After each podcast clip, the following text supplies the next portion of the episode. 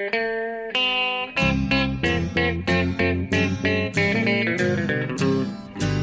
out there, we're on the air. It's hockey night tonight. Tension grows, the whistle blows, and the puck goes down the ice. The goalie jumps and the players bump, and the fans all go insane. Someone roars, Bobby scores at the good old hockey game. Oh, the good old hockey game is the best game you can name.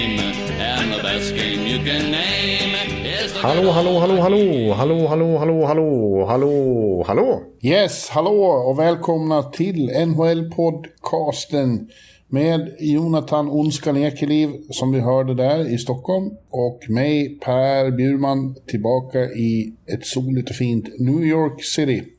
Och här ska vi nu spela in vårt 348 avsnitt. Vi är på väg mot milstolpen 350 Jonte. Just det, precis. Det har jag inte tänkt på, men det, det stämmer. Och vi brukar vara eh, lite sådana att vi håller på och firar och har oss när det, när det väl är sådana jämna tal. Ja, Så att, eh, det kommer säkert hända någonting om, om ett par veckor här. när vi når 500 då ska vi trycka upp t-shirts också.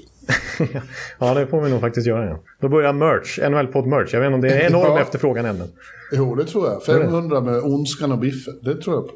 Ja. Jaha, eh, allt bra med dig? Eh, ja, men det skulle jag vilja säga. Han ju med en sväng till eh, Norge eh, här i, helgen. En kort visit Ja, bara på ett par dagar. Du var i ditt andra hemland. Ja, det har blivit så. Och paparazzi fotograferade Zuccarellos bygg, byggprojekt. Ett, ett, sten, ett slagskott är väl ett klassiskt ord att använda i sammanhanget från hytten där ja, mina nuvarande kopplingar till Norge finns. Mm. Jag trodde du skulle säga att paparazzi jagade dig och Emily. Nej, det är ju såna- riktigt på den nivån är det inte. Liksom. jo, du blir så stor i Norge nu efter det här att, att det är paparazzi när du landar på Gardermoen, på flyghamnen. Ja, det var inget jag noterade. Eh, kan, kan jag säga. Det, det, jag såg inte folk ligga och ruva bakom bänkarna och försöka fotografera mig. Det, det, det var tvärtom. Ja. ja, jag har ju varit i Eller Kalifornien och, och tvärtom, i förlåt. det var inte så att jag, jag vill bara poängtera, jag låg inte och ruvade och tog bilder på folk på flygplatsen. Ja, jag har ju som bekant varit i Kalifornien och Nevada. Då. Vi, vi hördes ju därifrån förra, förra veckan. Just det, när det var palmrassel och fågelkvitter och så vidare. Ja, ja jag eh, får säga att jag, jag hade svårt att, att, att lämna eh, de västra eh, nejderna. Jag trivs otroligt bra där ute. Men det är också, eh, när man har varit borta en vecka då, så kommer man tillbaka till New York och då blir man helt förälskad igen. Det händer att man tröttnar på att det liksom var det här larmet och kaoset och trängseln och, och folk är rude och, och rough eh, där ute och man tänker "Fan, get the fuck out of here. Och, och så är man borta och, men så kommer man tillbaka efter en vecka och blir helt förförd igen av, av New York. Och nu, nu bara njuter jag av att vara här i, i, i universums mitt. Ja, du sitter där och spelar in podcast och kan blicka ut från 48 våningen på en eh, hyfsad utsikt ändå. Ja, Så att jag, ja. jag tycker inte så jättesynd om dig. Även om jag förstår att det var fint ute i Palm Desert. ja Palm Desert. Palm Inte Desert. Palm. På, på Boca Raton. Boca Raton. Palm, Palm Springs och Palm Desert. Ja, det ser du. Ja. Men du, eh, när du var där, för det, du var ju en sväng i Vegas också och eh, det finns ju stora anledningar att prata om just Vegas tycker jag, den här veckan. Ja, det är vår vanliga timing då. Det hade ju varit perfekt om jag var där då. men, men eh, ja, kvällen efter vi hade spelat in senaste avsnittet, eller kvällen därpå skulle vi säga, riktigt, så det var inte timmen efter det i alla Nej, fall. det var det faktiskt Den här inte. gången. Eh, så blev ju, eh, tog ju eh, eh, den riktiga eh, långköraren den här säsongen, fick äntligen sin, sin konklusion. När eh, Mm. det blev klart att eh, Vegas Golden Knights alltså trailade till sig Jack Eichel.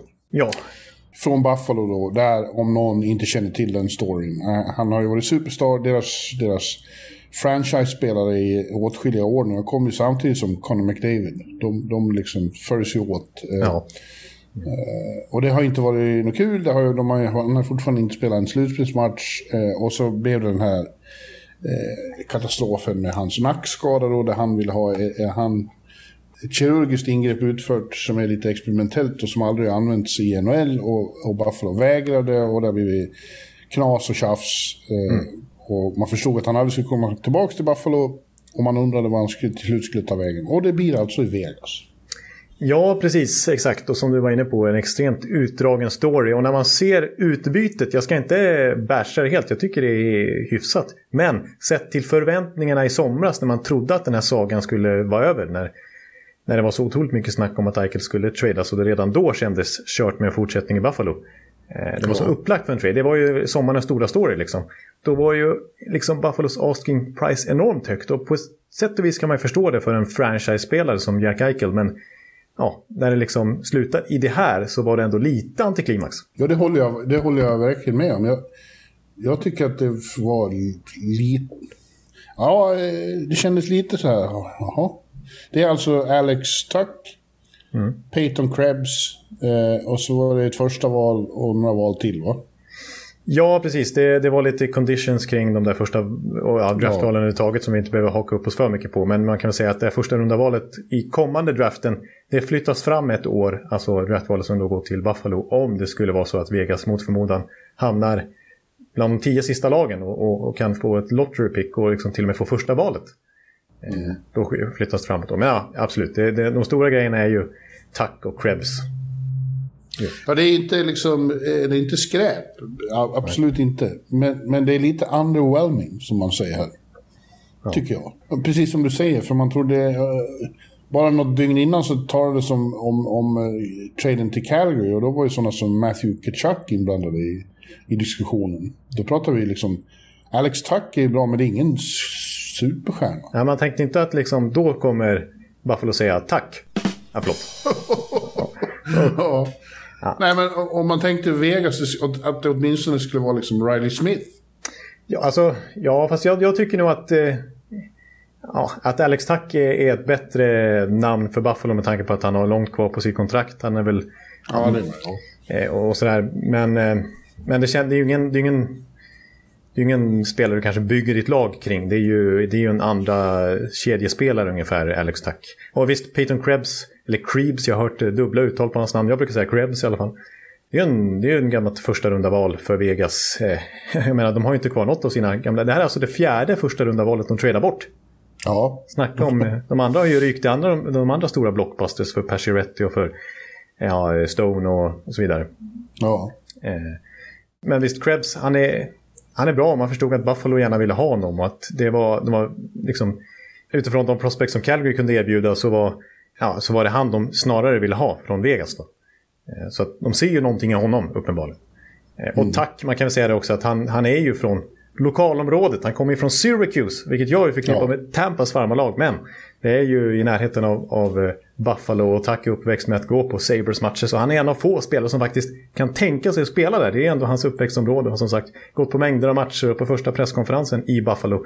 Så bara namedroppar ju Tack hur många gamla idoler som helst i Buffalo. Liksom.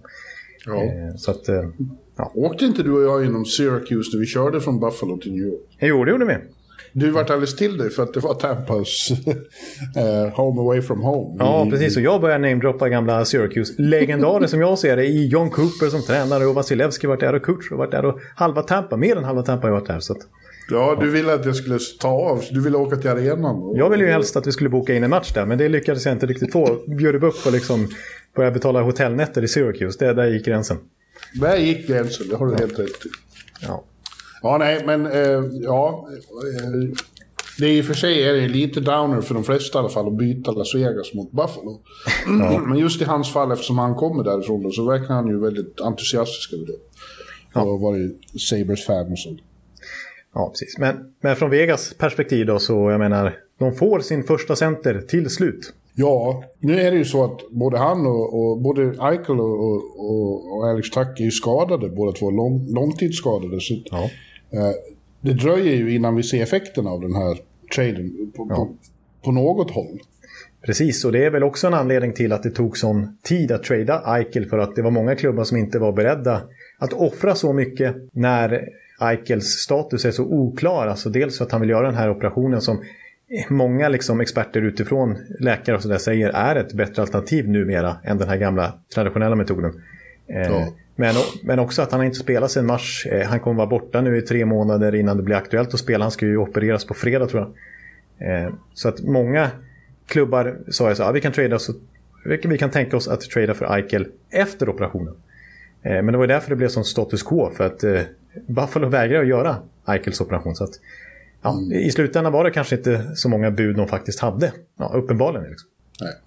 Ja, nej, som sagt, det dröjer. Men när han är klar, eh, så det är ju som du säger, de har sin första...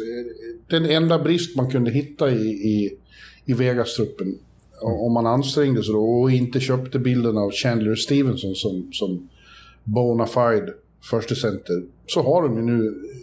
De har verkligen allt.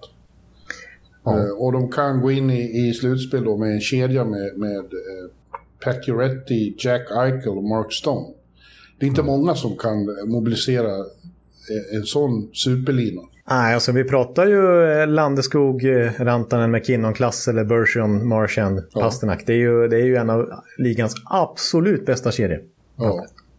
Hotar ju om att vara den kanske allra bästa till och med. Ja, kan bli, ja, absolut. Ja. Eh, sen är det på pappret, alltså, sen vet man ju aldrig. Det, det, det är inte alltid kemin uppstår. Nej, precis. Och, och, nu är det ju också så här att det är stor skillnad mot liksom, hur, hur, Vegas tänker kring sitt lag nu jämfört med när de klev in i NHL. För då var det ju, det var ju inte spetsen utan bredden som tog dem hela vägen till Stanley Cup-final. Nu är de ju otroligt top-heavy. Nu är de nästan lika top-heavy rent lönetaksmässigt som eh, Toronto är. Eh, det är bara Toronto som spenderar mer pengar på fyra spelare än Vegas gör nu på just Eichel, Pacioretty, Stone och Peter Angelo som ju kom förra säsongen. Ja, ja det känns...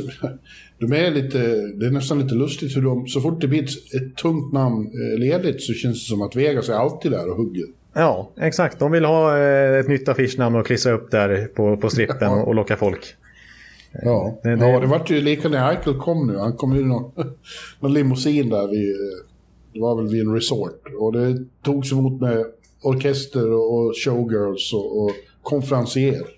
ja, precis. Exakt. det var ju samma sak när, när Stone kom redan på flygplatsen. så liksom bara... Ja, då är det ju, det är ju en hel, ja, jag vet inte, det är en hel Blue Man Group ungefär där och tar emot det. Liksom. Ja, ja.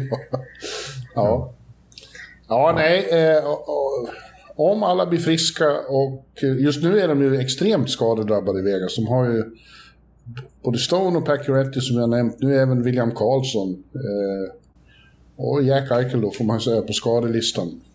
Ja, alltså så på det viset eh, känns den här säsongen lite läskig för dem faktiskt. Om de överhuvudtaget grejar en slutspelsplats i slutändan.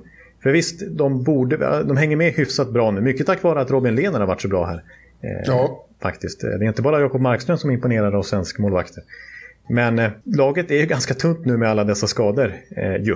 Och Visst, det är, så här, det är de tre Kalifornien-lagen de har framför sig bland annat. Så att visst borde väl Vegas i slutändan kunna ta sig förbi ett Anaheim eller ett San Jose eller ett LA Kings till exempel.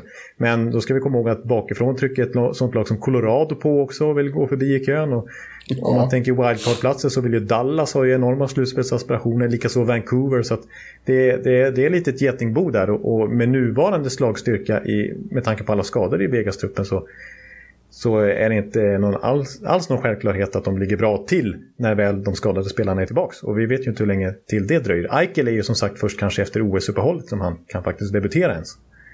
Ja, ja äh, men jag tror att de kan klösa sig in i slutspel och det handlar ju bara om att ta sig dit. Sen, ja. sen är det... Ett sånt lag borde kunna liksom... Fixa det. Ja. Ja, å andra sidan så kommer ju nästa år. ja. Om det här skulle vara liksom... I, i, ja, ja absolut. Det, det ser ju bra ut. ett konstigt perspektiv. ja, men Eichel är ju, är ju ung. Han är väl redan 25 år. Så ja, det här, de har ju, de, nu är han ju verkligen franchise-spelare i Vegas istället. Att bygga kring. Ja. Men jag vill också nämna det. Så har han en väldigt fin kompis i Lener. De var ihop i Buffalo ett tag. Eller ja. ihop. De spelade ihop i Buffalo. Eh, och eh, de har redan varit ute i Vegas såg jag. Eh, åt chicken wings på Cosmopolitan. La ju Robin upp på sin Twitter. Ja, just det. Precis. Och Lene som har varit väldigt medial kring eh, att stötta ja. Eichel i den här situationen och dessutom eh, vittnat om sina... Eh, liksom hur han behandlades av Buffalo-ledningen och så vidare. Och verkligen ställt sig på Eichels sida här. Ja, ja de är väldigt goda vänner. Ja. Eh, men vi ska nämna det också, tycker jag. Jag gillar ju att prata lönetak och sånt där, och underliggande siffror hit och dit. Men jag ska fastna lite vid lönetakssiffror. Jag vet att det blir lite så matematiskt och kanske är tråkigt att lyssna på. Men det är, ändå, det är ju faktiskt så att om alla är tillbaka nu, om, om vi säger att, ponerar att Vegas är helt skadefria och Stone kommer tillbaka från long time injury reserve och Eichel är skadefri nu och ska göra debut. Då ligger de alltså på 91 miljoner dollar i total capita för, för laget. Och det är ju alltså 10 miljoner över vad som är tillåtet. Mm. Så att de kan ju inte aktivera alla bara på över en natt och, och, och sen spela. Då bryter de mot NHL-reglerna. Så det måste ju tradas iväg spelare nu också när de väl är skadefria. Och därför... Ja, eller också göra, göra en Vegas och hålla någon utanför laget i slutspelet börjar. Ja, göra en Tampa. Precis. Ja, vad sa jag? Eh, göra en Vegas. Men det, det kanske, Aha, det kanske man kan benämna det som snart också. Nej, göra en Tampa, absolut. Det var det jag menade. Ja, precis. Att, att göra en Kutjo. Ja. Eh, eh, så det, det, visst, det är lite spekulationer om det. Och, och om de nu väljer, liksom, att, att alla är tillbaka och de måste trada spelare, då är det snack om att, som du nämnde tidigare, Riley Smith har ju bara ett år på kontraktet, att han är och har ju 5 miljoner dollar lön ganska saftigt att, att man ändå inte kommer ha råd att förlänga med honom. Så att man, man skickar honom, eh, Brady McNabb är i samma situation och sen så kanske man får skicka ner, wavea någon spelare sådär och inte fylla ut en 23-mannatrupp utan nöja sig med kanske 21 så att man kommer under lönetaket. Eh, så på något sätt kommer de lösa det men de kommer ju behöva fortsätta subtrahera om, om, om alla ska komma tillbaka. Så är det. Det där ser man ju nästan med, med, med blotta ögon när man tittar på den här truppen nu, hur, mycket, hur stjärnspäckad den är. Hur går det här ihop? Ja. Och det gör det inte riktigt. Nej. Nej, det gör det faktiskt inte riktigt. Eh, men jag jämförde med Toronto där. En viktig skillnad är ju att sett till hur mycket pengar de lägger på, på sina toppspelare är att de, de, de har ju en back inkluderad där i, i väldigt mycket pengar. Nu har visserligen Toronto flängt med Morgan Riley men Petri Andrew är ju ett snäpp till och kvalitetsmässigt. Och dessutom har de ju, lägger de ju pengar på på som väldigt duktig första målvakt mellan Toronto och inte riktigt har löst sin målvaktssida, kanske varken i nuläget eller framförallt på sikt. Eh, där känns ju mer tryggt i, i Vegas, så jag tycker det, deras pengar är ändå lite bättre disponerade, som är känslan tycker jag. Över, över hela truppen så att säga. Ja, det är, jag, jag ser fram emot att åka dit igen när Eichel har debuterat. Eh, det är, det är väldigt festligt att vara på hockey i Vegas. Du har inte varit det än. Vi måste Nej. ju dit snart. Nu, nu kan du komma hit igen. Eh, igår, måndag, eh, 8 november, då öppnades USAs gränser igen för första gången sedan, sedan mars 2020. Eh, och Just. turisterna väller in igen. Eh, så att, eh, nu är det bara att ladda för en, en eh, roadtrip framåt våren. Ja. ja, ja, Vegas måste jag ju bocka av. Jag har varit där en gång Eh, när det inte fanns ett hockeylag, men det, det, det, är ju, nu har jag ju onekligen skäl att åka dit igen. Och jag vill ju egentligen till Seattle också, så det, det är så mycket ja, jag vill åka om. Vi, vi startar i Seattle, åker till San Jose och sen Vegas, Anaheim, eh, LA och Arizona. Där har du roadtrip. Ja, precis. Arizona är ju ett festligt lag. Nej, men, nej, men det, det, skulle vara kul att kanske åka till Scottsdale och se varför alla stjärnor vill bo kvar där helt enkelt. Och skriva ja. långtidskontrakt och så vidare. Mm. Som de trots allt gör. Ja, då kanske vi tar en, en, någon, eh, någon kväll i Palm Springs också så du får se denna klassiska mark. Ja, precis. Och lära mig uttala det av lokalbefolkningen kanske. Så kan banka in det i huvudet. Ja, vi får se varför jag hänger där ute så mycket. Ja, just det. Jo, med tanke på hur många olika ställen i USA du har varit på och hur många bra ställen du vittnar om så, och att det liksom hamnar i topp, då måste det vara något extra. Mm. Nu vart det off topic. Ja, precis. Jag vet inte om vi ska komma tillbaka till topic lite grann genom att säga att jag har aldrig varit i Chicago heller och, och vi får återigen prata om. Eh, vi har det är också en resa jag tänkt på, eh, Jonte, för din del. Att vi börjar i, i Minneapolis, åker till Chicago, ner till St. Louis. Eh, och så slutar vi väl i Nashville som vanligt. ja, som vanligt. Ja. Det brukar bli så. Ja. De, de tre ställena har du inte heller varit på, eller hur? Eh, Minnesota, Chicago, St. Louis. Nej, no, nej, inget av de tre. Morsamt. Ja, det vore hyggligt. ja, nej, Chicago har du inte varit i. Eh, det har däremot Jerry Colliton, men nu får han åka därifrån. Ja, precis. Vi får se om han kommer tillbaka hit till Sverige eller vad han gör. Nej då. Men eh, till slut blev han ju sparkad eh, då. Eh, efter ja. Chicagos katastrofala start om möjligt ännu värre start utanför isen får man ju verkligen säga, så som de har skött sig här. Men, ja, det har inte varit hans fel, det får man nej, påpeka dock. Men, men på isen har det inte... Är det, ja. Tvärtom är det så att det är många som tycker att det, klubben har varit vidrig mot honom i och med att han, som hade noll med saken att göra, är den som har fått svara mest om, om de här off-ice-frågorna. Att de liksom ja. dumpade på honom. Exakt, det, det har inte varit snyggt utan han har verkligen fått fejsa det liksom. Trots ja. att, som du säger, med, medan Stan Bowman fram till att han fick sparken inte uttalade sig någonting. Ja, ingen av Nej, alla, alla andra har sprungit och gömt sig. Det är bara Colleton som har fått, och spelarna då, som har fått ta det här ansvaret. Ja, ytterligare ett exempel på svinigheten där mm. som har varit. Men det har ju varit, det har inte gått på isen heller. Eh, och det har väl delvis haft med det att göra, men inte bara. De har inte varit tillräckligt bra. Och det var ju, bortsett från att man efter att Bowman hade fått sparken inte eh, visste om någon hade befogenhet att sparka coacher där. Mm. så, så var det ju bara en tidsfråga egentligen. För att de har ju satsat hårt. Målet i slutspel i år, absolut. Eller var i alla fall när säsongen startade. Mm. Och eh, de har inte levererat alls och det blir ju hans ansvar till slut. Så att, eh, ja. Nej, precis. Vi har ju pratat mycket Chicago överhuvudtaget sista åren hur, hur Colleton inte har lyckats sätta ett försvarsspel. Det gjorde ju inte Quenville sista tiden heller. Och, och det Colleton tog över och skulle vända på eh, blev det inget av.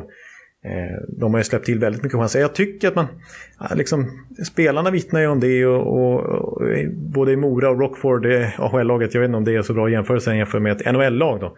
Det kanske var ett för stort steg att ta, men, men de vittnar ju om att han var väldigt bra kommunikatör och Cody Franson i Rockford då, som ändå varit runt i väldigt många NHL-klubbar, så att det var den bästa tränaren han haft.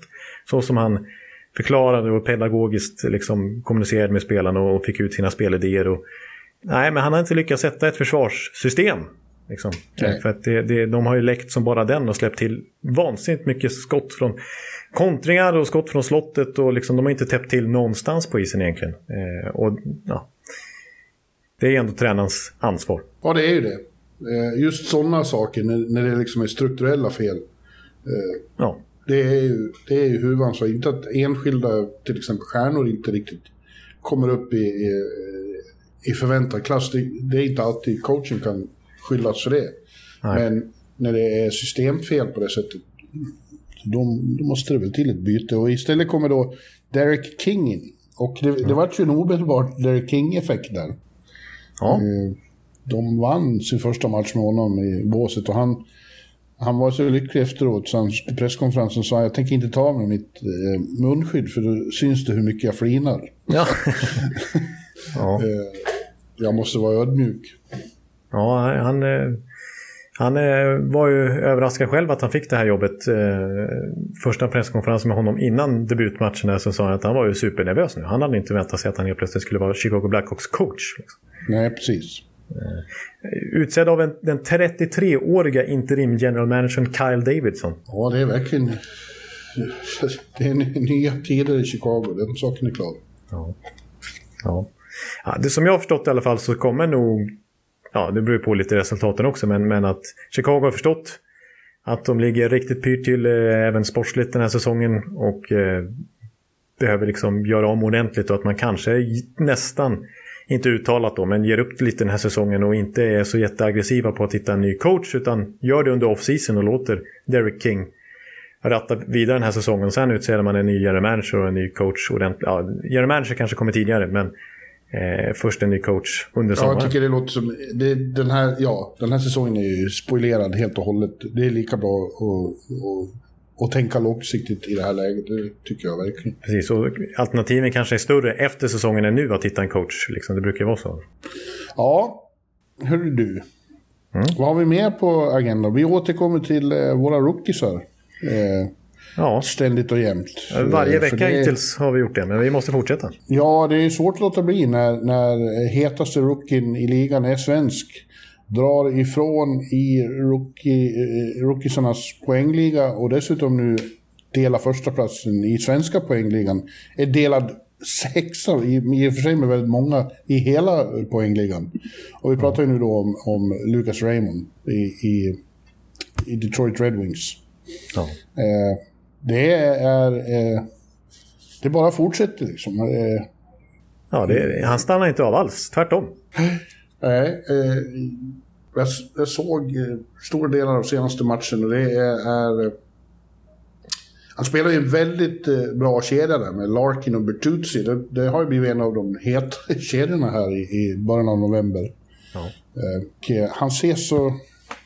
Jag vet inte hur jag ska, jag ska sätta tummen på men han, han är så otroligt eh, respektlös och, och liksom gör det ser ut som att eh, han vet att eh, jag, jag klarar av det här. Jag är bra och jag tänker ta för mig. Ja, det är ju väldigt bra när, det liksom, när man inser det så tidigt och när man liksom har fog för det. Så att man, Ja. alltså när man faktiskt backar upp det också och, och liksom han, han öser in poäng hittills. För att det tycker jag att, ja, jag, nu ska jag inte prata så mycket om det, men jag är lite gnällig på vissa spelare, Tampa nya spelare som jag inte riktigt tycker tar för sig. Liksom, som skulle behöva komma över den tröskeln också. Men den har redan, liksom, han är ju helt respektlös hittills Raymond. Och bara kör. Ja. Jag har sett att han kallas för, för Racer i omklädningsrummet Ja. där. Och han är lite som ett, som en kniven och rak blad där som bara skär Ja, igenom. precis. ja, exakt. Det, är- det, är- det är bra, bra uttryck. Man, man ser, och när han får chanserna, liksom, det är bara smäller. Ja. Det är noll tvekan. Nej, precis. Ja, exakt. Verkligen inte att han åker runt och spänner klubban och undrar och tvek, tvekeliv som jag skulle kallas ibland här på redaktionen när jag inte lägger ut saker. Eh, liksom, utan det, det är liksom... Jag har inte hört. Den har du inte hört? Ja, den, den dyker upp ibland. Ja.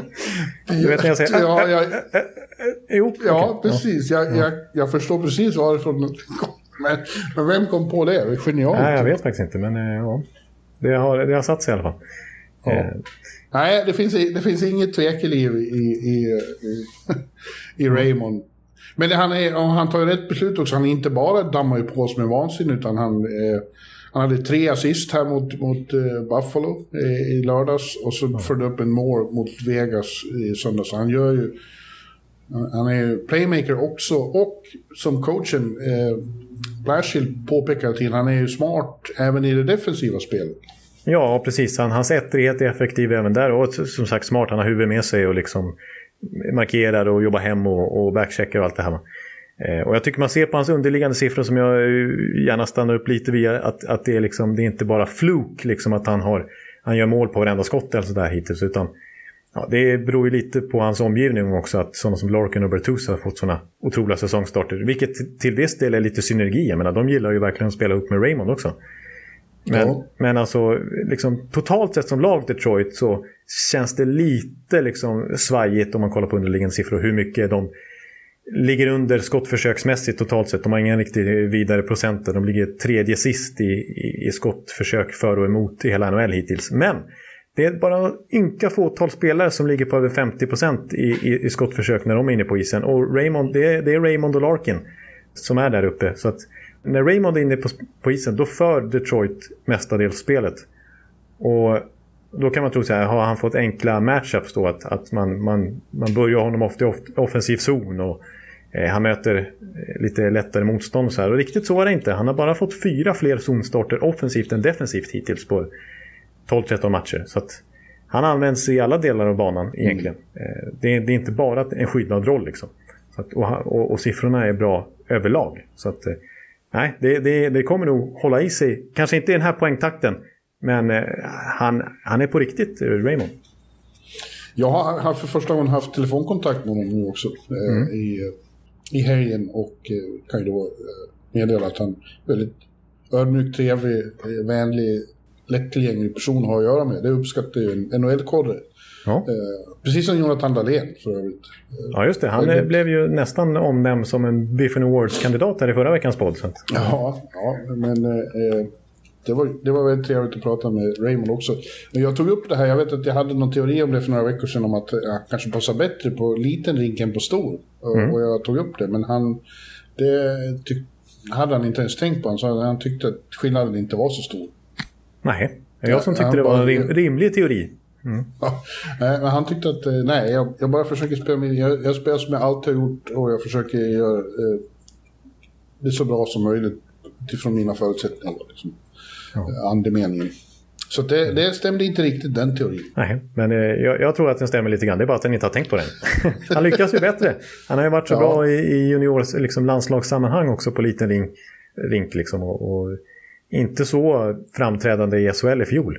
Med stor rink och, och det, det liksom lite tröga svenska taktiska spelet. Ja, ja, jag, tycker det ser ut som att han liksom är väldigt bra på små ytor. Ja, precis. Då kommer det du Razor Knife där fram och liksom bara ja, Ja, kör på. Ja. ja vi har eh, Dahlén fortsätter ju också leverera. Eh, Ja, han är faktiskt tvåa bland forwards i rookie-poängligan så det är, de, det är svenskt i topp. Ja. Mm. Men, men Raymond Eh. har dubbelt så mycket poäng. Det säger ganska mycket om hur överlägsen Raymond har varit bland rookies totalt sett hittills. Ja, det är, det är verkligen eh, remarkabelt. Ja. ja, vi som trodde vi skulle Eh. prata om Cole Caulfield och Trevor Seagraw och så vidare. Men det är ju Raymond som är solklar ledare hittills. Ja, i alla fall bland forwards. Vi har ju Moritz Seider till exempel. också. Ja, Moritz Seider i, i, i, också i Detroit, och den tyske backen. Det är ju ett, mycket, ett stort utropstecken också. Därför att vi vet ju sedan tidigare och har nämnt det många gånger att det är, det är tuffare att komma in som back. Det är mycket svårare med och positionsspelet framförallt för, för backar i NHL är så liksom... Hamnar man det minsta fel så blir man rökt liksom, som back. Men det sköter han utmärkt och är ju faktiskt, han är ju tvåa i, i poängligan bakom Raymond. Ja, precis. Exakt, och i oktober månad utsågs han ju till månadens rookie i NHL. Ja. Att, eh, det står ju verkligen mellan de två hittills om vem som är årets rookie. Ja. Vi har ju en finländare också. Det var någon som skrev på Twitter, eller om det var i mejl, kan ni inte eh, prata om hur Jarko, hur upphetsad han är över Anton Lundell då i Florida. Eh, För att det, det går ju väldigt bra där också. Han har ju tagit en plats i detta utmärkta lag och, och Ja. levererar. Ja, jag kan eh, säga att vi kanske kommer in mer på, på Florida senare i podden, men absolut. Det känns Ja. som att alla lyckas där, men jag är inte... Jag menar, äh, jag menar, det sista året, alla som har slussats in där gör ju succé. Liksom. Så att någonting görs ju väldigt bra i Florida. Men, men Anton Lundell är ju verkligen inget undantag. Och på ett sätt är jag inte förvånad med tanke på hur han, eh, tvärt emot eh, Raymond, eh, verkligen dominerade eh, i finska ligan förra säsongen och hade liksom siffror där eh, minst i paritet med Barkov och Laine och så vidare när de var i Finland. Liksom. Så att, det är ju, han var ju var till och med lagkapten, i alla fall assisterande lagkapten som tonåring i HIFK. Eh, så att, ja, var, var väl med i riktiga VM här också under, under våren, så han kändes väldigt mogen. Men eh, han har ju visat att han är en Barkov light redan nu. Eh, Väldigt bra tvåvägsforward. Ja. Ja. Eh, har du något mer att säga i detta ämne? Nej, det vi Ja, har... egentligen skulle du kunna prata om topp 20 på rookielistan och ha långa Ja, ja, precis. Vi har inte pratat så mycket om till exempel Bowen Byram i Colorado som gjort det väldigt bra också och, och hotar där. Eh, är väl närmast att hota bakom eh, Detroit-duon. Men eh, det kommer vi komma in på mer under säsongen här. Så att jag, jag tänker att vi, vi får väl återigen bara konstatera, tycker jag också, Alltså ett annat ämne vi återkom till. Men Jakob Markström har ju hållit fler nollor än, än sen vi pratade sist. Han är uppe i fyra hittills den här, den här säsongen. På nio matcher har människan fyra nollor. Och eh, bara det är ju enastående. Men han har ju fantastiska siffror även i övrigt eh, på de här nio matcherna. Och eh, det, man behöver inte bara se till dem. Man, man, man har ju sett med, med, med det ni kallar eye-test. När man har tittat på honom när han har spelat så har han ju varit utsökt. Liksom. Eh, Själv säger han hela tiden, jag har pratat med honom flera gånger, han, han är ju så ödmjuk så han pratar ju bara jämt om hur bra medspelaren har, hur lätt de gör det för honom.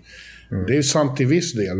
De, de, är ju, de har ju spelat riktigt bra, hela laget Calgary, men det är också så att han har tagit väldigt många, de extra räddningar, han, har inte, han, gör, han tar inte bara det man ska ta, vilket ju bra målvakter gör, medan stora målvakter tar även det man inte ska ta. Ja. Och det har han verkligen gjort och det har varit riktigt svettiga räddningar emellanåt. Ja, ja, verkligen. Precis. Och som du säger, alltså, jag pratade ju mest förra veckan när vi pratade Markström om Calgarys utveckling försvarsmässigt. Hur de kollektivt sett där har täppt till mycket bättre och hur få kontringar Markström har fått emot sig. Och än så länge är det faktiskt fortfarande bara sex klara kontringslägen mot Markström i 5 mot 5 den här säsongen, vilket ju är väldigt lite. En sån som Lena är väl snart uppe i 30 ungefär. Så det är ju stor skillnad. Men, eh, eh kommer jag av mig lite. Nu blev det... Ja, jag vet inte vad du är ute efter nu, Ja, nu- men, nu- men Nu blev det tvekeliv. Eh, sluta vara tvekeliv när du pratar om Markström. ja, Eh, ja.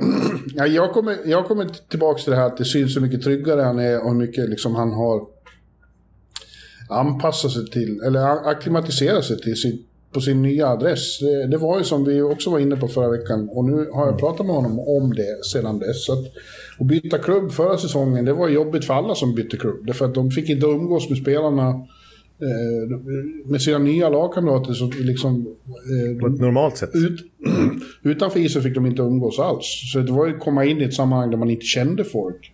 Eh, och, och försöka liksom eh, komma in i, i, i, i lag var ju väldigt svårt. Och, eh, inte minst för målvakter då. Han, han, han, han, var på främmande mark liksom, och försökte anpassa sig. Eh, och, och, det blev inte riktigt, det var inte uselt, men det gick lite trögare än vanligt. Nu är han ju precis lika bra som han var eh, innan han blev skadad den här säsongen i, i, i Vancouver, vintern 2019. När han var helt fenomenal. Ja, jag, jag håller helt med där. Och uppenbarligen känner han sig liksom trygg nu både på och utanför isen på ett annat sätt. Och liksom är verkligen ja, en bärande pelare i Calgary Flames. Liksom. Och så har han så, han har så en bra inställning. Jag pratade med honom senast då när han höll nollan mot, eh, det nu var? Det var Rangers var det Ja, just det. 6-0-segern. Ja. Krossen. Innan, men innan dess hade de åkt på två eh, övertidsförluster. Så jag, jag grämer mig fortfarande mer över de förlusterna än jag gläds åt att hålla nollan i en sån här match. Han, han, det stiger honom inte åt huvudet. Han är liksom hela tiden inne på att bli bättre och, och eliminera misstag. Och, och, det är liksom inget, eh, ingen risk för att Markan... Eh, Tappar ödmjukheten? Nej, precis. Nej. Men det jag skulle säga också med, med underliggande siffror där var ju att om man pekar på dem så borde han ha släppt in 16 mål 5 mot 5 den här säsongen. Eh, liksom utifrån chanserna som har skapats mot i, enligt den modellen. Men han har bara släppt in 8. Ja. Så alltså dubbelt så mycket borde han ha släppt in mot vad han har gjort. Och det tyder ju på, så man kan prata jättemycket om Calgarys liksom, defensiva struktur och hur den har satt sig bättre. Men även med den så borde han ha släppt in dubbelt så mycket mål än vad han har gjort. Så det säger ju liksom att Markström håller en enormt hög nivå hittills han har överpresterat sett till vad, vad, han, vad han borde. Och jag menar, när han gjort det så pass många matcher nu så, så tyder det på, det är en trend liksom, att han, han är tillbaks. Jag hävdar att han är bäst, bästa målvakt i ligan just nu, eller har varit den här inledande månaden. Det är min bild. Det finns ju fler som har, har övertygat, inte minst Igor Sjistorkin i, i Rangers, och han har väl kanske varit viktigare för sitt lag. Att de befinner sig där de befinner sig är helt och hållet hans förtjänst. Han har ju inte alls samma försvar framför sig om man säger så. Samma Nej. kollektiva struktur. Nej. Nej. Ja, det finns ju fler. Du nämnde Lene förut, har ju också varit väldigt bra. Bobrovski innan han blev lite skadad igen då. Andersen har varit bra. Ja, Båda målvakterna i, i, i Islanders, men framförallt kanske Sorokin. Gibson i Anaheim, definitivt varit bra. Och Carter Hart och Jack Campbell också, det skulle jag vilja nämna. Ja, det är lite konstigt uh, hur, hur många av de här ja, svaga målvakterna i fjol eh, och ifrågasatta inför den här säsongen har eh, rätat ut frågetecknen på så tydligt sätt. Alltså, Markström ja. var ju lite sån, eh, Andersen i Carolina, alltså Carter Hart i Philadelphia. Det Bobrovski. Det, ja. Men jag tycker Markkanen, och sen är det ju några som vi är så vana vid att de är så lysande, men de har inte riktigt kommit upp i normal standard ändå kanske i Vasilevski, Hellebucken och Carey Price har vi inte sett den ens. Nej, nej. Vasilevski vill jag påstå, då, som jag som tittar på så mycket Tampa, att han var, han var ju inte alls bra i början. Men sista en och en halv, två veckorna så har han ju varit på eh, Vasilevski-klass igen. Ja, men vi vet ju vad han går för. Ja. Men sett till helheten första månaden så säger jag eh, number one Number one bullshit. Vad, sa, Nej, det ska jag inte säga. Det, ska jag säga. det var, det var vad, vad heter han? Kutjov. Kutjov sa på presskonferensen, bullshit number one. Ja, det var, det var för att jag började prata Vasilevski så här, som, du, som du råkade få det i huvudet. Ja. Ja, ja, nej, Markkanen är nummer ett i ligan as of now. Ja. Bra. Apropå den sortens ranking så har vi bestämt oss för idag att vi ska göra en power ranking eh, av de fem bästa lagen just nu i respektive mm. eh, konferens.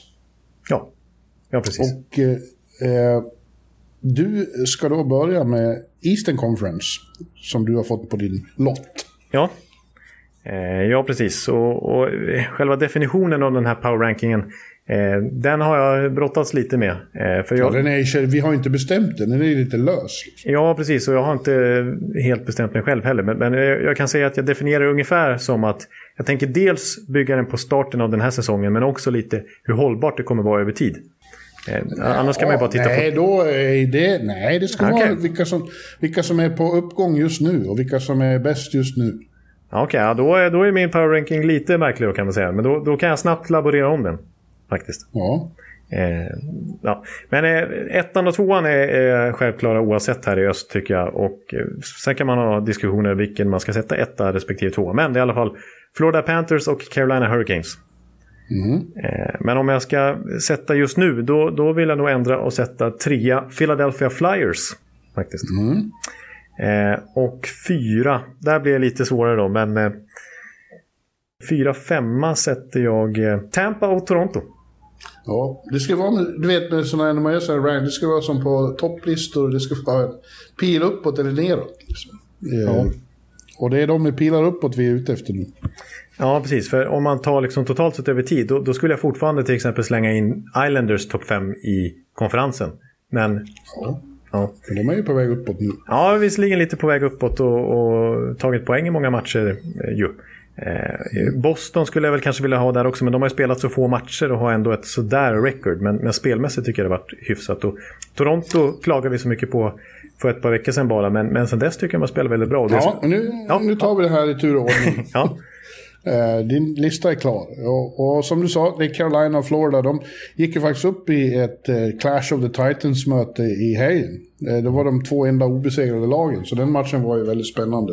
Ja, i ordinarie tid ska tilläggas, för Florida hade väl en torsk ja, sen tidigare. Men, ja, ja. Obesegrade under ordinarie match. Carolina var ju obesegrade helt och hållet. Ja. Men den matchen tog ju slut snabbt eftersom Florida gick upp i 4-0-ledning redan i första perioden. Ja, det var väl ett statement om något och, och visa hur, hur välfungerande spelet och lagmaskinen är där ändå med tanke på att de blev av med Quenville ju, mm. under uppmärksammade former här förra veckan.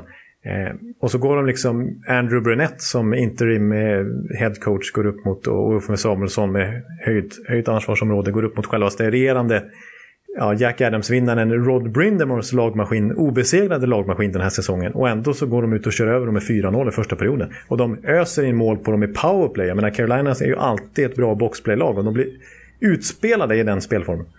Ja. Eh, så att det var ett statement av Florida. Det var det. Som sen så, såg jag dem här igår, i måndagskväll då, mot uh, Rangers på Garden.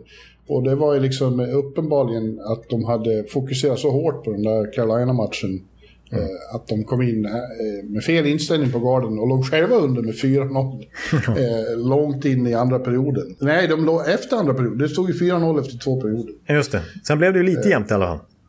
Ja, så man, man visste ju att får Florida ett tidigt mål i tredje så kommer det här är långt ifrån klart. Mm. och det fick de direkt efter 20 sekunder eller vad det var. och sen mm. var det ju jakt då. Men det gick att se ändå, även om Rangers då gjorde två hyggliga perioder där, så, så var det Kistorkin igen. Ja. Eh, och man, framförallt så såg man att Florida är uppenbarligen inte på, på sin... Det här är inte deras kväll riktigt. De har inte... Eh, de är lite off. Men mm. man såg ju glimtar av vad, vad, som finns i det laget när de är som bäst. Och man är så här, Jesus.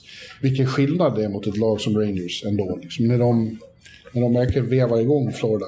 Vilket mycket snabbare det går, kreativiteten och explosiviteten i anfallen. De spelar så, så otroligt snabbt. Ja. Och med, med glä, spelglädje liksom, hur ja. passningsspelet. Ja. Ja, och, ja, jag, jag, tycker så här, nu är liksom, ja, Thornton har inte varit någon jättefaktor hittills och är skadad dessutom. Och Bennett som har varit en succé sedan han kom dit är skadad och borta. Etchiari har väl inte spelat på hela säsongen. Men skulle, tar man in de tre, då har de en femte kedja egentligen. Alltså de har ju fem väldigt bra kedjor. Så alltså, de har sån bredd. Det är helt ja. sjukt alltså. Och, och Bengan som... har inte spelat så mycket tidigare säsongen, men nu har han fått lite större utrymme, och framförallt i powerplay då. Var, kanske deras bästa spelare igår, och det är så typiskt att det är Bengan som kommer in och får liksom veva igång dem när de ja. inte riktigt är i, eh, i slag. Precis, han är ändå en, en kugge på det viset att när det inte stämmer så är, då, då är han som viktigast egentligen. Uh, ja. Nej, det, ja. jag, jag har sagt det hundra gånger ju när man pratar Florida senaste åren. Men hur liksom, ja, så här spelare som inte riktigt slagit igenom med andra klubbar bara kommer in dit och får sina genombrott. Alltså en sån som varit där nu under ett helt år och, och början på den här säsongen som vi inte har pratat så mycket om. Alltså en sån som Anthony Duclair som ändå kastats runt i väldigt många NHL-klubbar och misslyckats. Nu är han en point per game-spelare och gör snygga mål och ser ut som The Duke som kom fram i Rangers en gång i tiden som man trodde skulle bli en klassspelare och som liksom fastnade helt sen. Men ja, precis som Sam Bennett, precis som Carter Verhage, precis som Gustav Forsling inte minst som jag tycker jag har öppnat säsongen kanonstarkt. Ja. Eh, så är det så här, ja, Anton Lundell, eh, första NHL-matcherna funkar ju direkt liksom. Det är otroligt imponerande. Ja, det är det. Men det är ju lite likadant med Carolina. Ja. De, har ju, de spelar också med det här enorma självförtroendet och pondusen och, man ser på dem att de vet, som man såg på Florida igår, att okej okay då, vi har varit dåliga två perioder här och tagit varit, släppt till för mycket bakåt. Vi vet ju att vi kan vända det här. Alltså ligger ja. under med 4-0. Ja. Samma, eh, samma utstrålning finns ju i, i Carolina-truppen. Ja, precis. Och där det också uppenbarligen har funkat att slänga in nya pjäser som man var lite frågande till. Andersen i kassen och spelar kanon. D'Angelo var inne på förra veckan. Moraliskt ytterst tveksam värvning men har ju verkligen ersatt Doggy Hamiltons backpoäng. Eh, ja, det, det, det, är verkligen ett kollektiv där också. Och lite bonus i år i form av att Andrei Svesjnikov slut ser ut att få sitt riktigt stora genombrott den här säsongen. Han har till och med överglänst Aho under hösten. Ja. Ja, jag, jag, kommer tillbaka till det igen. När man ser de här lagen mot de som inte... Som igår, även om nu Rangers vann och hade 4-0 ledning. Eh, så ser man att det är liksom... Det är olika skikt i ligan av, av kvalitet. Rangers borde ju vara liksom nära det där med, med den personal de har, men det är de inte alls. Nej, och märk väl då att jag inte ens nämnde de här på min topp 5-lista eller vilka som var precis utanför. Rangers är kanske åtta för mig eller något sånt där i konferensen. För att spelmässigt, poängmässigt är de verkligen bra, ligger de bra till än så länge, men spelmässigt är inte, inte jämförbara riktigt än med de riktigt stora klubbarna just. Absolut inte. Ja. Det är Sjistorkin som har tagit dem till den här andra platsen i Metropolitan. Ja. Men på tredje plats då så har jag då Philadelphia ju. Mm. Det är ju ett eh, bra hopp jämfört med eh, hur man pratade om dem förra säsongen. Att, eh, Absolut. Ja. Eh, har väl inte, som sagt, Rangers före i tabellen nu till exempel, men Philadelphia har spelat färre matcher, så ser man till poängsnitt så ligger de trea i öst. Och där, får vi, där var vi inne på när vi pratade målvakter här för ett par minuter sedan, att, att Carter Hart är ju Ja, det är ju den stora skillnaden. Jag menar, de hade sämst målvaktsspel i ligan förra säsongen. Nu med Carter Hart kvar och med Carter Harts liksom, konkurrent om att vara sämst förra säsongen, Martin Jones.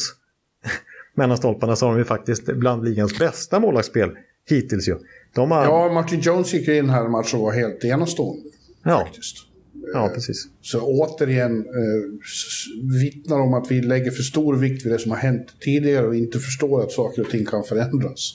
Ja. Eh, är, det, så är det med nästan alla som försöker sätta sig in i hur en säsong ska gå. Att man, ja, man har inte så mycket annat att gå på än det som har hänt tidigare. Men det måste inte säga något om vad som kommer att hända. Nej.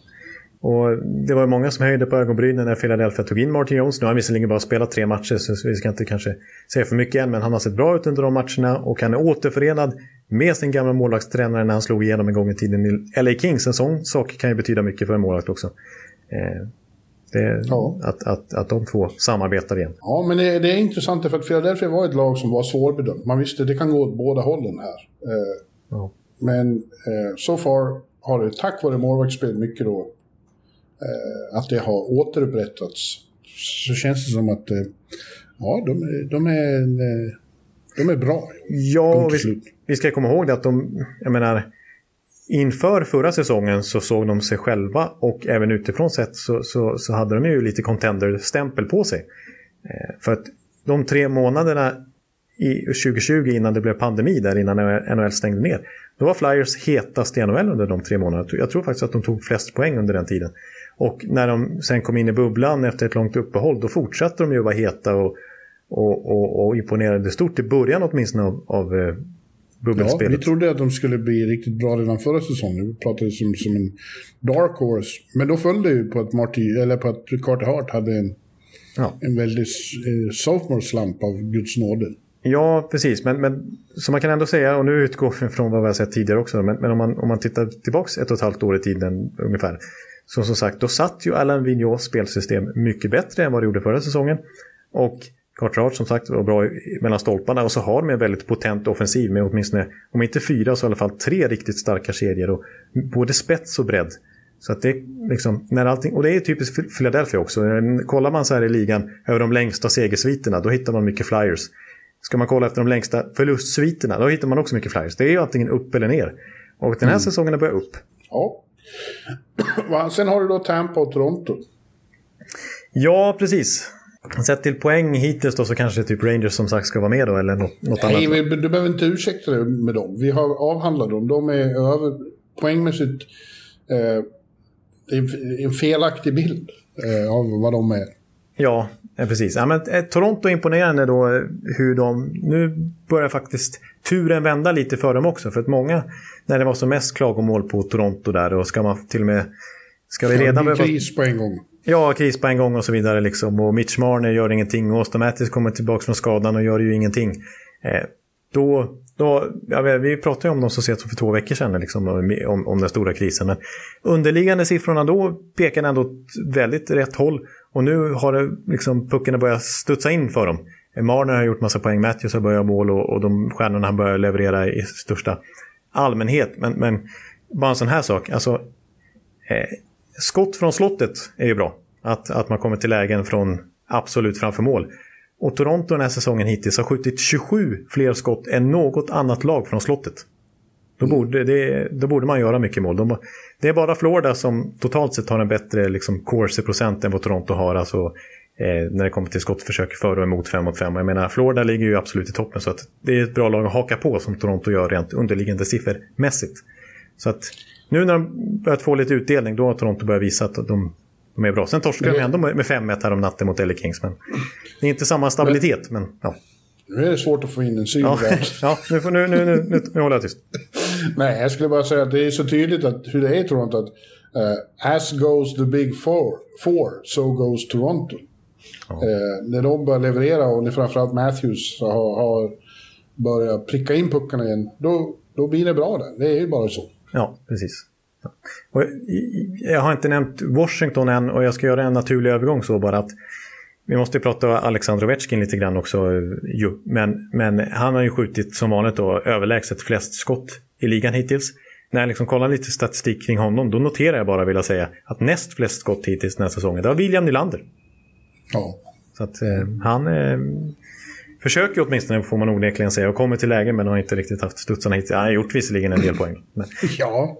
eh, men, eh, men Washington. Eh, Nej, du skulle ha Tampa sa du ja, Tampa, ja precis. Ja, men, ja, jag håller nog... Alltså, Ja, du får återkomma till dem du har lämnat utanför listan när du Ja. är klar med listan. ja, vi börjar med Tampa då, som, som sista lag, topp fem.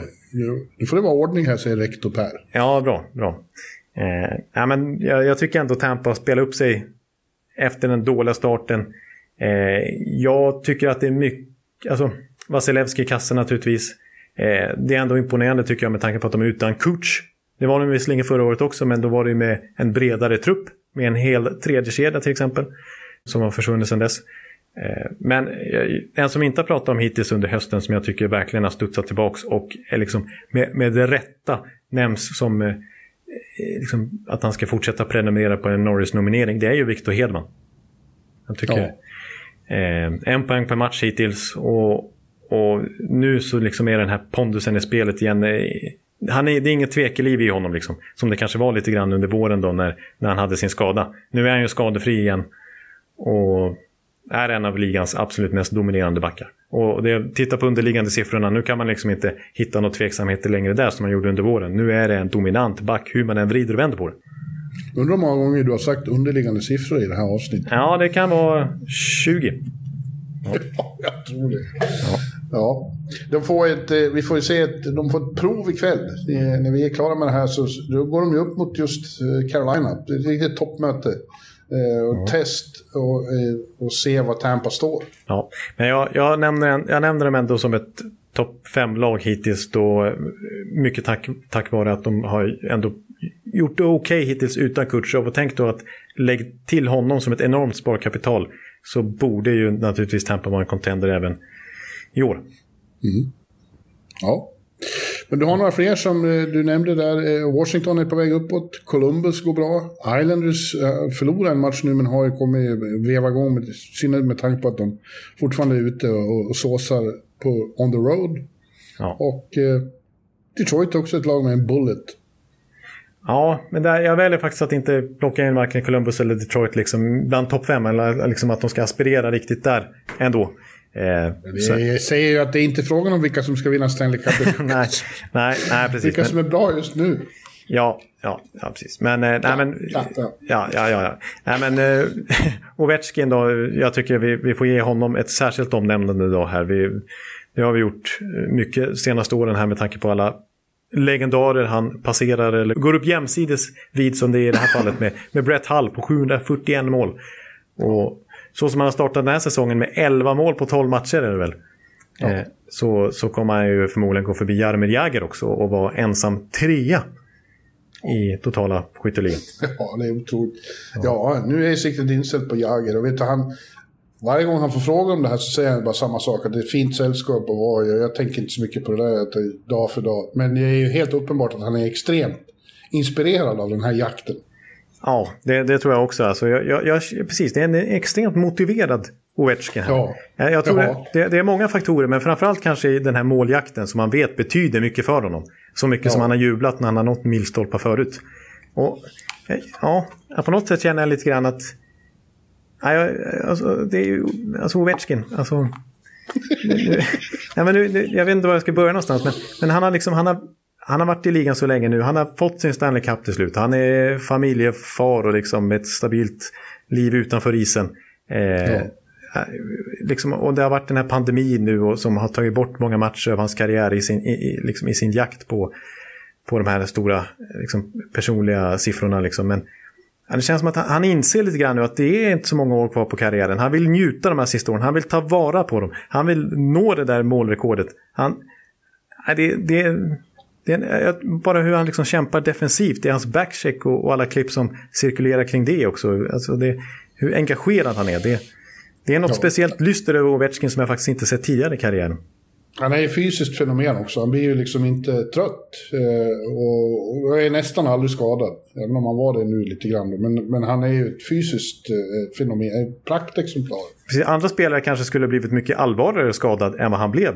I den där incidenten ja. som, som man trodde skulle hålla honom borta ett tag. Men han missar ingenting egentligen. Han är the instructable Russian machine. Precis, och med hans kroppsbyggnad över 100 kilo och allt det här. Va? Och hur han tacklas och flänger och håller på. Hur mycket ja. han, han är, spelar ju alltså 22 minuter per match som 36-åring. Alltså, han är ju typexemplet på, på sådana här spelare som, som snabbt faller av eh, efter 30-strecket. Och liksom, ja. typ en Andrew Ladd. Som, ja, en sån Andrew Ladd-spelare typ, som, som inte är någonting längre på NHL-nivå. Eh, men men eh, han motsäger ju alla liksom naturlagar. Ovechkin. För att eh, det, han borde inte kunna vara den här spelaren han är nu vid den här åldern med den kroppsbyggnaden. Det är helt sanslöst. Ja. Du, innan vi går in på min eh, eh, power ranking i väst så ska jag gå och hämta kaffe och en färsk snusdosa. Jaha, ja. ja. Så du kan väl eh, sjunga något om Ovechkin? Sjung en rysk sång. Kalinka. Ja, den kan jag väl ta. Den kan jag ta. Ja, ja här kommer. Kalinka, kalinka, kalinka moja. Kalinka, kalinka, kalinka moja. Och Kuznetsov till Åvi och Måla Och Bäckström till Åvi och Måla moja. Ovechkinan pangar, Ovechkinan nätar och Kalinka, kalinka, kalinka moja. Och Kalinka, Ovechkin, oh my god, oh Maja. Ja, hallå? Ja, jag nådde precis crescendo. Vad härligt. Ja. Ja, jag, jag, jag, jag har ju berättat förut att jag samlar på eh, kaffemuggar från olika håll i USA. Ja. Nu vill jag meddela att jag sitter med en genomskinlig från National Memorial Museum i Oklahoma City. Från, Jaha. Eh, där, där det var en terrorattack eh, för, på 90-talet. Eh, ja, just det. Eh, och det är ett väldigt gripande ställe och en väldigt fin kaffemugg. Så jag ville okay. bara skjuta, skjuta Ja, det var en bra kuriosa tycker jag ändå. Nu har vi en bild. Ja, ja. ja. ja men Western Conference då. De ja. hetaste lagen just nu enligt eh, Biffen i New York. Ja. Eh, och det är alltså inte vilka jag tror vinner Stanley Cup eller är bäst som helhet, utan vilka som är bäst just nu. Ja, nu har vi definitionen klart till slut i alla fall.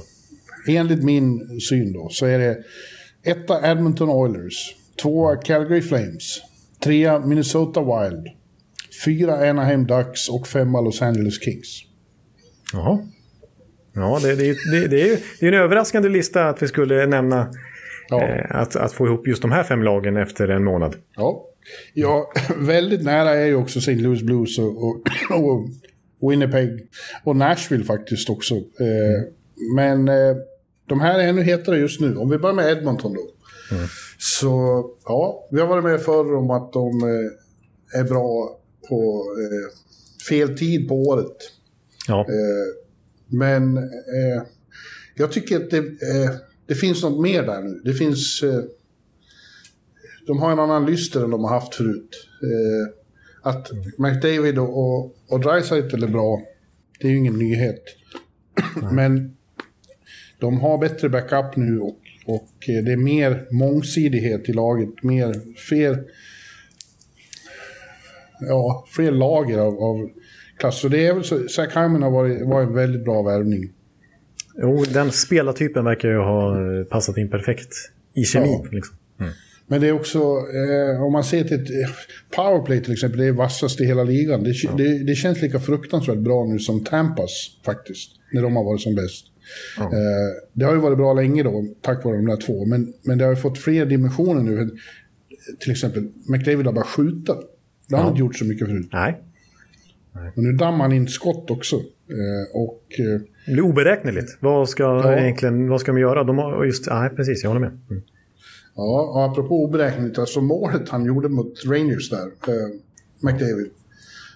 Omsusat redan, eh, utnämnt ett av de snyggaste målen eh, det här decenniet. Jag, jag satt och såg den matchen och man ramlade ur soffan. Liksom. Ja. Eh, då är det många som invänder surmagade typer som ja men titta vilket dåligt försvarsspel. Mm. men grejen är det här, de var ju så oförberedda på att det där skulle hända så de visste inte vad de skulle göra. De följde som käglor liksom, när han kom åkande som Ingmar Stenmark i, i Kidsby. eh, och visst, det var bara någon som petade lite med klubban, men det var ju för att de, de var inte beredda på det. Och om det vore så enkelt att det bara... Det var, varför gör inte fler så då? Det var ju han som fick dem att se så ut. Ja, precis. Alltså det, det, det, det, det är ingen som liksom åker in mot fyra spelare sådär själv. För det är Nej. menlöst liksom. Det, det, det funkar ja. inte. Men det är ingen som kan göra i den farten och med den bestämdheten som han gör. Och kolla liksom lite när man ser slow motion hur han liksom dribblar sig förbi det där liksom plockepinnet av klubbor. Så är det, ja. det är en enorm precision och hur han liksom, ja, det och det går ju extremt snabbt om man tittar i fullspeed också. Så, så det, är inte, det är bara någon sekund de har på sig att reagera, Rangers-spelarna. Liksom. Hela sekvensen är fantastisk. Han får tag i pucken efter retur, tar ut den ur zonen och så åker ensam med, med pucken klistrad och avvaktar och väntar på att alla medspelare ska komma ur zonen. Och sen är det så här, ah, vad ska jag göra nu? Och så plötsligt exploderar han och gör det där. Ja, precis. Och sen hinner dribbla bort keepern också, totalt. Ja. Och lägga in den i öppen bur liksom. ja. Ja, det var en chockerande sekvens. Ett geni. Ett geni i arbete. Ja, och den, som, den, den, den ständigt i skuggan, eh, tysken eh, Leon Draisaitl som faktiskt leder poängligan NHL just nu när vi spelar in det här. Alltså det är, snacka om two-headed monster. Ja. Och de har också den här, det har funnits, den här eh, grejen är ju också att de har hamnat i underläge rätt ofta. Men haft en fantastisk förmåga att komma tillbaka från det underläget. Men det känns som de har hela tiden en tillväxt att lägga in och att de vet det. De är så extremt självsäkra eh. nu. Det, det, skulle, det blir väldigt spännande att se i slutspelet om det här är på riktigt nu. Att de faktiskt har den här lagmoralen. Att, att vända matcher, att, att klara lite adversity så att det inte blir som senaste, och som det har blivit så många mm. gånger, men det senaste, inte minst slutspelet när det blev 0-4 matcher mot, mot Winnipeg. Om de kanske kan dra lärdomar som Tampa gjorde efter 0-4 matcher mot Columbus. Om nu det här plötsligt kan vara året för, för Edmonton när, när bitarna börjar falla på plats även mentalt. Ja. ja, det är verkligen den stora frågan slutspelet. Men nu hävdar inte jag att det här säger något. Jag hävdar vilka som är starkast just nu. Ja, då köper jag att, att Edmonton konkurrerar till och med där uppe med Florida och Carolina. Liksom. Ja, mm. absolut. Calgary har vi varit inne lite på när vi har pratat om Markans storhet. Eh, men får igenom lite rätt i då också att han får väldigt bra hjälp samtidigt av ett lag som har... Vi får, vi får eh, lov att erkänna att Daryl Sutter har gjort något bra med det här laget. Ja, för det är ju väldigt tydligt att det kollektiva spelet har eh, skärpt till sig enormt mot hur det såg ut under tidigare tränare. Ja. Eh, det... Och att så många har steppat upp. Eh, det där håret efter Mark Giordano märks inte alls. Tack vare inte minst en sån som Rasmus Andersson. Som går från klarhet till klarhet, men även hans landsman Oliver Kylington har ju varit bra. Absolut, så är det ju.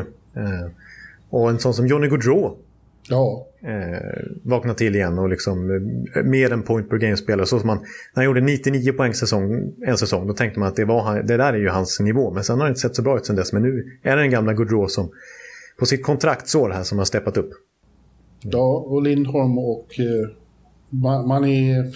Jag, jag kommer aldrig kunna uttala det. Mangiapane, Mango. Mango, ja. Just det. Eh, och Matthew Kitchuk. Han gjorde också ett drömmål mot Rangers eh, något dygn senare. Eh, när han stod ensam framför kassen och drog den mellan benen på sig själv. Ja, med det. ryggen mot eh, Sjestorokin. Ja. ja, det är klass. Den enda som inte har eh, nått normal nivå är Sean Monahan. Nej. Han har ju varit, precis som Gaudreau, haft en vikande trend sista åren och har ju också snart utgående kontrakt. Och där känns det som att... Ja, det var väl en anledning till att Calgary rycktes åt i Jack Eichel.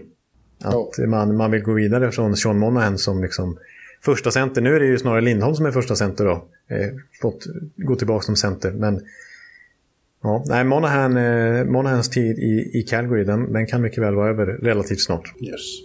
Ja, Minnesota då som leder i Central. Eh, Just nu är det ju då, eh, tycker jag, rent allmänt Pacific som imponerar lite mer än, än, än Central. Oväntat Vilket nog. oväntat. Ja. mycket oväntat. Men eh, Minnesota eh, lever upp till förväntningarna. Har tre raka nu och, och är en attraktion att se. Det känns ju också konstigt att säga efter alla tråkår med Minnesota. Men har man Zuccarello, Fiala och Kaprizov så har man. Ja, verkligen. Och eh, har man en sån stabil grund eh, som det gamla tråk Minnesota haft länge i försvarsspelet. Och, liksom, och i, i grunden då, att, att, eh, då, då, är, liksom, då är lägsta nivån väldigt hög. Ja. Så, ja. Och, och vi får återigen applådera Bacon Brodin från Karlstad. ja. Sveriges första parback Ja. om några månader i Peking förmodligen. Han förtjänar det i alla fall. Det, det gör han. Eh, ja, det är förmodligen han och Hed- Heddy. Ja. ja. Jag tycker det är imponerande att, att Minnesota, är, som sagt, med den här höga lägstanivån, det måste vara det som, som är är grejen för dem. Att de vinner trots att Kaprizovs säsongstart inte var kanon, trots att Zuccarello varit borta med, med corona. Sådär. Många av de tilltänkta spetsspelarna har ju kanske inte toklevererat alla, alla kvällar och ändå har de ett väldigt bra record hittills. Ja. Överraskning på min lista är de här två Kalifornien-lagen då. Eh, Anaheim och Los Angeles. Anaheim har nu fyra raka och LA har fem raka. Eh, Och eh, Anaheim är ju särskilt imponerande med tanke på att de har en hel del skador nu på Rakell och Silverberg till exempel. Men de har unga killar där som rikt, spelar riktigt bra. Vi har redan nämnt, vi nämnde ju eh, Trevor Segras och Sonny Milano. Men även han, eh, vad heter han, eh, Troy...